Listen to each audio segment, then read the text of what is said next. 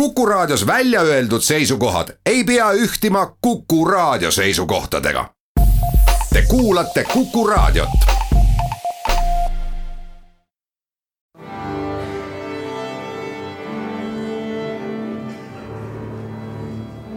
daamid ja härrad, Eesti Kontserdi saade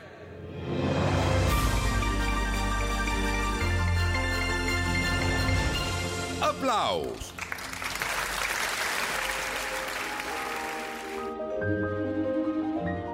tere kõigile, aplaus on eetris, mina Lauri Aav Eesti Kontserdist. uudistega aktiivse muusikaelu ja kontsertide kohta praegusel ajahetkel on asjad nii, nagu nad just parajasti on. ootame märke, et lähituleviku osas otsuseid teha ning seda enam planeerime kaugesse tulevikku jäävaid projekte siiski on ülemaailmsest viiruspuhangust sõltumatult meieni jõudnud kurb uudis Poolast, kus kahekümne üheksandal märtsil lahkus meie hulgast muusikaelu suurkuju helilooja Zhistof Penderetski nii ei ole tänane saade mitte niivõrd uudistesaade, kuivõrd austusavaldus heliloojale, kel ka Eestiga olid väga pikaajalised ja soojad loomingulised suhted. käisin külas kodus Andres Mustonenil, Penderetski kauaaegsel sõbral ja koostööpartneril tere, Andres, helistasid mulle pühapäeval, kui meie hulgast lahkus Poola helilooja Krzysztof Penderecki, lahkus elavate klassikute hulgast lihtsalt klassikute auväärsesse seltskonda. no pole kellelegi saladus, et teie vahel olid isiklikud sügavad sõprussuhted. kes oli Krzysztof Penderecki? no ma pean kõigepealt noh, ütlema seda tõesti, et meie vahel oli ikkagi viiekümne aastane äh, side ja viimased ähm, kolmkümmend viis aastat oli ikkagi väga-väga tugev äh, niisugune lavaline side, sest ma dirigeerisin ju tema kõiki suuremaid teoseid. Aga äh, sa ütlesid väga hästi, et klassikute hulka, äh, ta oli niisugune mees, kes kes käis ka läbi väga pika tee mm, avangardismi ja ta katsetas ju kõiki neid uue, uue muusika mm, stiile ja, ja võtteid, kuid äh, jõudis niisugusest täiesti oma stiili, mis jätkas, nagu ma ütlesin, just nimelt Mahleri ja, Mahleri ja Bruckneri liini ja taolist äh, Lääne-Euroopa katoliikliku mõtlemise, juudi katoliikliku, kuna ta väga palju oli seotud ka mm, judaismiga ja ta kirjutas ju tohutult palju Vana-testamendi ja kuningas Taaveti laule. tema tähendus, no see on korvamatu, seepärast et noh, kedagi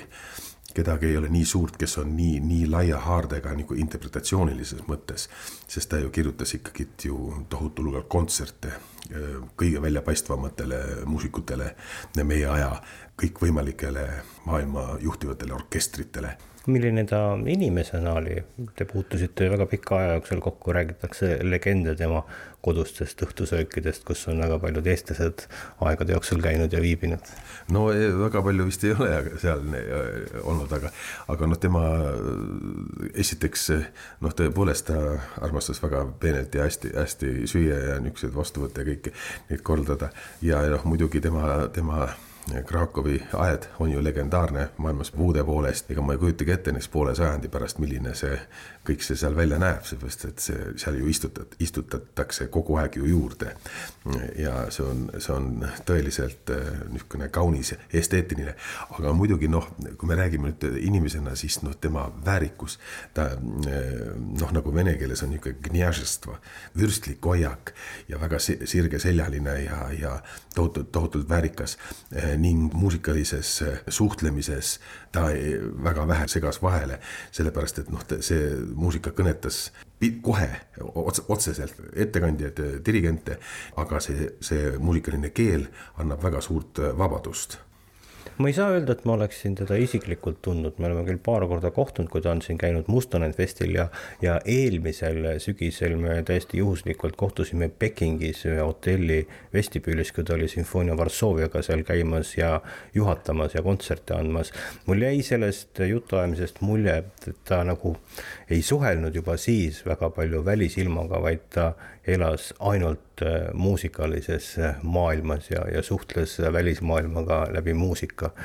see, see on sul huvitav, huvitav tähelepanek, sest tegelikult nii ta nagu väljapoolt näeb, aga noh, temal oli, oli jah, tuleb öelda, on abikaasa Elizaveta Penderecka, kellega koos no kõik Beethoveni festival ja, ja tohutud suured üritused, kes, kes oli vähe on öelda parem käsi, vaid, vaid noh, kogu aeg ähm, tema kõrval ja kes korraldas just nimelt seda väljaspoole seda elu kõike, kuid äh, noh, tema, tema aura, isiklik aura on ikkagi väga-väga meeldiv ja, ja väga tolerantne ja, ja tohut-, tohutult äh, selline, selline suurte mõtetega ja julgustamine ja niisugune väga suur vabadus no meil oli ka juttu ju nüüd enne viimast Mustonen festi, kus olid avakontserdi kavas, oli Penderecki klaverikontsert, et, et oli selline õhkõrn võimalus, et, et ta tuleb ka ise siia kohale. see ei olnud õhkõrn, see oli päris, päris tugev, sellepärast et Krzysztof väga äh, seda kontserti hindab ja noh, see on tõesti, see on neljakümne viie minutine klaverikontsert, see on ju otsene jätk Rahmaninovi klaverikontsertidele mm. -hmm. ja noh, me suhtlesime palju detsembris, jaanuaris ja, ja see kõik oli, oli plaanis kuni sinnamaani, et sel ajal veel tuleb ka Poola kultuuriminister ja ühesõnaga niisugune palju selle nimel tehti, nähti vaeva. aga, aga jaanuarikuu vahetult ennem, üks nädal aega ennem, siis ma sain juba, juba, juba temalt äh, meili. Et ta, ta väga, ma võin isegi luge, lugeda sealt meililt, see oli küll mulle isiklikult, aga väljend-, ta tõesti väljendas suurt, suurt kahetsust, et seekord ei saa tulla, sest Penderecki oli väga nõrk. Äh, tal oli verevahetust vajas ja ta ei saanud seda õigel ajal ja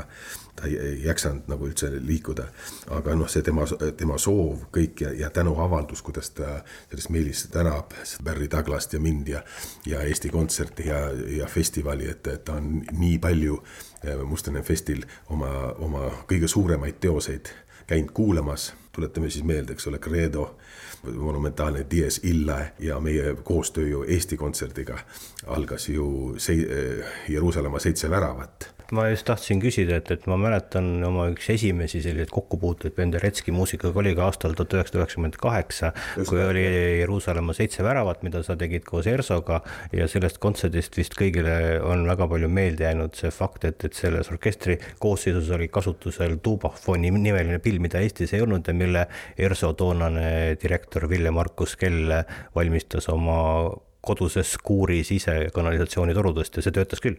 Ja see töötas ja see ongi niinimetatud Penderecki pill, äh, tubafoonid, mis tegelikult on plasmas, suured plasmastorud, mis on siis mõõtme järgi äh, tehtud ja siis seda lüüakse niisuguste pehmete kinnastega. Ja sealt tuleb niisugune pumm-pumm-pumm-pumm ja aga täiesti tonaalne, nii et, et see on tal väga paljudes teostes, see oli ka Dies Illes Brüsselist tuli, tuli kaks autotäit torusid toodi Varssavist kohale, sest ega neid mängijaid nii pole, aga, aga Poolas juba Penderecki teoste pärast on juba niisugune niisugune seltskond äh, löökpillimängijaid, kes käivad mööda, mööda maailmas mängimas. ütlesid läinud pühapäevaste uudiste valguses, et septembrikuus, kui sa juhatad ERSO-t, siis teed väikese kavamuudatuse ja võtad ühe Penderecki teose ka kavva tähendab, kindlasti ma seda, seda sooviksin, me räägime läbi täpselt, mis no on äh, nii nagu äh, oli ju sügisel Gia Cancelli lahkumisega, me ju pöördusime äh, veebruaris Mustonen Festiga, kui Novosibirski orkester oli spetsiaalsete lugudega äh,. kes teab veel, mis, mis siin vahepeal liigub, aga no kindlasti niisugune väga sügav kummardus mul on selle kontserdiga seoses veel üks selline imelik küsimus, et, et noh, seda ei ole veel välja reklaamitud, aga teadupärast peaks seal kavas olema Arvo Pärdi uudisteose Eesti esiettekanne, mis on tegelikult siis uus versioon La Sindonest. ja selle teose maailma esiettekanne oleks pidanud toimuma neil päevil Venemaal Vadim Repini festivalil, kas ka sellel kontserdil on solistiks, no mõistetavatel põhjustel seda esiettekannet ei toimunud, kas nüüd on siis arvata, et, et selle teose maailma esiettekanne tuleb septembrikuus Eestis? Jah, see äh, La, La Sindone viiulile ja orkestrile, mis on siis kirjutatud, äh, pühendatud ka meile äh, Arvo Pärdi poolt, pidi olema eile toimuma Transsibir Art Festivalil. Yeah ja see siiski praegu on, on planeeritud, et see toimub septembri alguses, sellepärast et kogu, kogu maailma, läänemaailma ei sõitnud, ei saanud sõita selle kohale, et Art Festival toimus nagu vene artistidega, kes said liikuma ja nüüd see teine pool on septembri alguses, siis peaks tulema, siis peaks ka olema Ortu minema sinna, nii nagu ta praegu oli mõeldud. Ja La Sintone äh, maailma esitajateni, nii et praegu ta on ikkagi Eesti esietajakanne. aga, aga me ei tea ju, kuidas siin see äh, olukord kõik läheb. Nonii, aga istume kodus ja ootame sügist ja, ja, ja loodetavasti tuleb tihe muusikaline sügis kontserttegevuse puudumisest hoolimata käib Eesti Kontserdis pingeline ja aktiivne igapäevane töö kodukontoritest ja täiendame märtsis ja aprillis ära jäänud ja veel ära jäävate kontserdiprojektidega meie järgmist hooaega ja oleme kõik praegu ikka väga kindlad, et sügishooaeg tuleb põneva ja tiheda kontserdikavaga. Ja ning kui õige aeg, hakkame sellestki siin juba järgnevates saadetes täpsemalt rääkima mis saab maikuu kontsertidest ja suvistest festivalidest, ei sõltu hetkel meist, vaid sellest, mis meil siin Eestis ja maailmas ümberringi toimuma saab. loodame siiski parimat. püsige terved, püsige kodus ja nautige head muusikat digitaalselt, kasvõi Eesti Kontserdi kodukontsertide formaadis, mille kohta leiate juhised meie Facebooki kontolt ootame aegu, kui muusikaelu ka kontserdisaalides täies mahus taastuma saab. kõike head teile!